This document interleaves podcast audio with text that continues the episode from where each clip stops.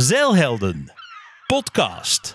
Today in the show, uh, we have uh, Richard Brisius with us uh, from the uh, Ocean Race. Uh, welcome and thank you to uh, take the time to talk to us. Thank We're you. glad Great to to have be you. with you. Thank you. So, uh, the burning question obviously is um, Will there be an ocean race and when?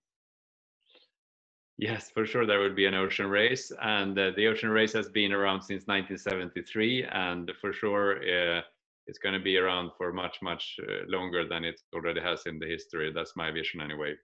And the next ocean race will start in 2022, and we have analyzed, uh, you know, over the past uh, half a year almost, or in particular the last three months, the scenario was the reality in the world, and we realized that the ocean race is probably the toughest challenge you can take on as an athlete uh, and as a Mhm. sailor.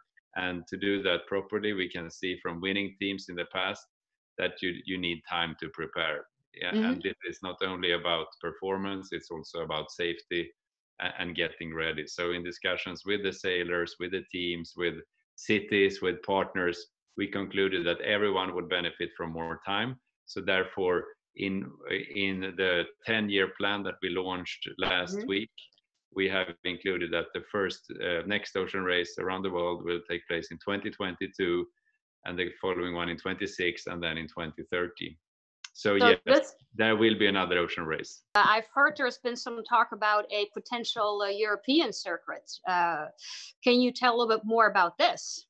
Yes, it's been all, always part of uh, a lot of strategies around the race. What do we do in between the round the world races? Mhm. Because teams have often experienced you do the round the world race, and then there's a too big gap in between the races. So Mhm.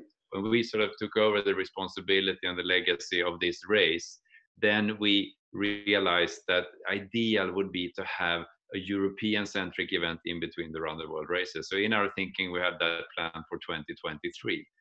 But Mhm. given the new 10 year plan and given what has happened in the world and given what's happened in Europe, we've seen that now is the great opportunity to launch this race already next year in 2021. So the Ocean Race Europe will happen in 2021, and this Mhm. will be serving both the teams for the ocean race. It's a great stepping stone for going into the ocean race. It's a great way to train your crew. It's a great way to create uh, um, learnings about boats and performance, and also to work with your partners and evolve those relationships. But it's also an opportunity for countries in Europe, for cities in Europe, to um, emerge in something that also unites certain parts of Europe and bring Mhm. something to the citizens in, in, in those cities that we plan to visit. Next year will be a bit of a, a pilot setup, and, Mhm. and uh, certainly we won't, don't want to make it too long because this should be a joyful and, and, and quite easy event to take part in. We will open it for the, uh, uh, the two classes, the IMOCA 60 class and the VO65 class, but we will probably also open it for other classes. So, so other sailors can take part in the Ocean Race Europe. So that's Oh, that's completely different from the ocean race and which classes those may be and the format that's something now we're talking to to a lot of stakeholders around and and later on after the summer we can uh, you know issue a notice of race and issue a Mhm. big plan so So- so, so- let us know all you who are watching what do you think this race should be about what do you want to see in the ocean race europe okay, great, great. So, uh, do you already have some potential ideas of the racing format for uh, for the circuit? Uh, well, the, the, the basic format is, you know, you race from uh, one city to another during the week. So you start on a Sunday and then you race for a few days. You come to a new beautiful city in Europe and you enjoy it and, and uh, enjoy the sport of sailing. And we work a lot around our sustainability program. So we're Mhm. planning activities around that.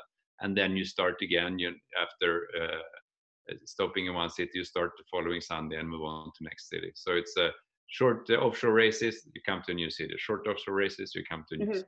But there So might be activities around this. So it's a bit of a festival format. Mhm, And and bas- uh, basically uh, a mini version of the uh, the big ocean race.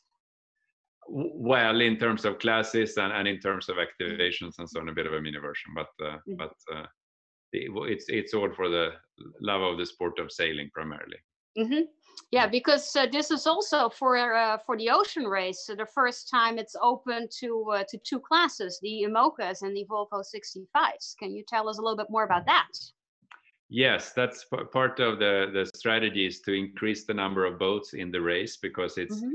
as it's become more and more professional, it's become harder to win the race. It's become more and more demanding for teams. We sort of seen an a, a, decline over the last 15 20 years i would say of number of entries so then we said let's open this up now to another class mm-hmm. and the IMOCA 60 class is an existing class it has been developed over 20 30 years so technically it, it's very advanced but still it, it, doesn't have sort of the childhood um, issues that a completely new mm-hmm. development class often have, have the result is that if you would like to do the ocean race you can either pick to do one design racing or you can go into an R&D class. So mm-hmm. it opens up also for different type of sailors. It opens up for the marine industry to get engaged again.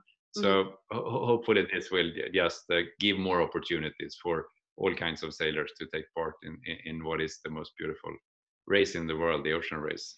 To succeed in the ocean race, history shows that you need two things. You need speed and you need mm-hmm. reliability. So and and I think uh, possibly the IMOCA 60s they are faster, or certainly they are faster in, in certain conditions.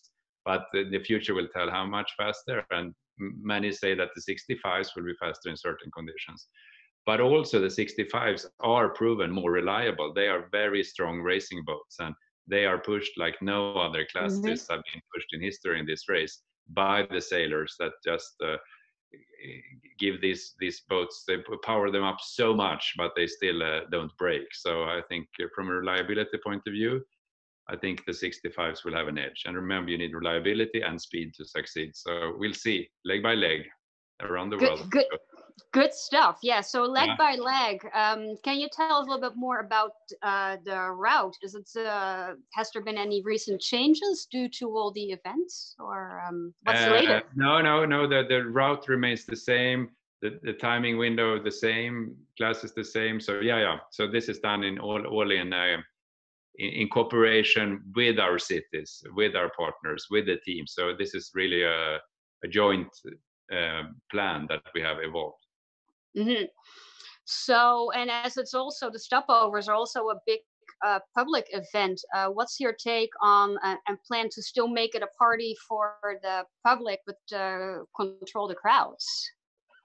Yeah, no, of course we are following uh, closely uh, how how matters are evolving in the world, like everyone on this planet right now, and we don't know anything more than anyone else how things will pan out we can just hope for the best and and and of course our priority is first and foremost with all those who have been directly or indirectly hit by the pandemic and mm-hmm. and, and continue to be hit by this terrible pandemic so when it comes to the actual execution of the ocean race it feels like that's not high on the priority mm-hmm. scale mm-hmm. you know on how to do that but can we do it yes for sure we, we, we are certain we can do it in a very safe and and we safe and and, and practically uh, logic matter as well so mm-hmm. the, the, the our sport obviously fits very well for this because we don't we don't have arenas where people are are close to each other we have our race villages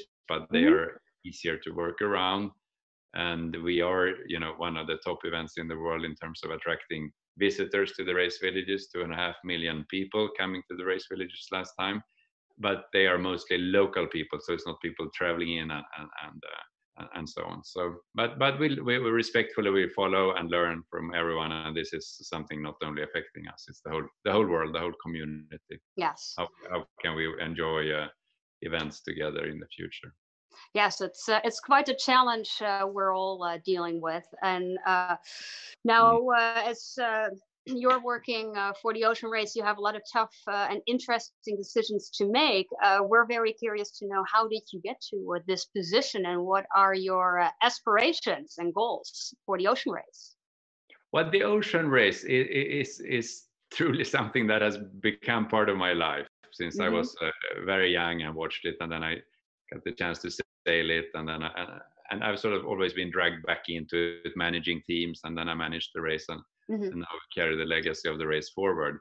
so what's clear to me, having seen the race throughout, that the the core attraction of the race is still the same. This is about the group of people that together race on pretty fast boats around the mm-hmm. world and they sail through oceans you know that, that some people only read about or see see on pictures but they do it they go all the way through the north and south atlantic down in the southern indian ocean and up through the this time around through the philippines and then up to mm-hmm. china and explore new parts of the world head down south to the new zealand go around cape horn up to brazil and up to the US, across to Europe, to Denmark, Holland, and, and, and, the grand finale in Italy. And it's such a wonderful journey. And that's important to remember with this race. It's also mm-hmm. about the journey, it's about exploring, but at the core of it is this group of people, men and women that race together for over 40,000 miles uh, uh, around the world. And, and, and that's a beautiful thing. And at the end of the race, you are friends for life or maybe you will never meet again. You prefer not to meet again. But, yeah. but uh, so, so and that's uh, you know some of my uh, very best friends in life are still the ones I raced around the world with 30 years ago. So mm-hmm. so, so it, it, creates something very special this race, and and and and that's the same. What's sort of has sort of woken up in the last five years, which has always been part of the race as well, is mm-hmm. the closeness you create with nature and with the oceans in mm-hmm. particular if you race this race so this caring for the ocean being with the ocean mm-hmm. that's part of the dna of the event and in the last edition we really saw how how we actually have a role to play to to to, to create awareness around the matters that mm-hmm. are critical to restore ocean health so so uh, where i see it going is that we will continue to be the event for those individuals in the world that really strive to do the extraordinary, to mm-hmm. do something out of the very ordinary. Those people are doing this race. And we are also here because we want to contribute to a healthier ocean. I like to hear that. What a wonderful vision. Uh, I'm sure we have a lot of young uh, Dutch aspiring ocean racers watching. Uh, do you have a, a tip for them? Yes, yes, definitely. Don't let go of your dream to do the ocean race and, and keep it alive. And and um, if you if you just work towards it and turn every stone and get on any boat you can and just uh, do, and do it for the love of sailing, you will do the ocean race in the future. That's that's uh, just keep keep working towards it. So yeah. uh, i think with this uh, we come to uh, a close of uh, the episode. Um, thank you very much for your time. It was uh, uh, wonderful to speak with you great insights and thank you very much. Yeah thank you so much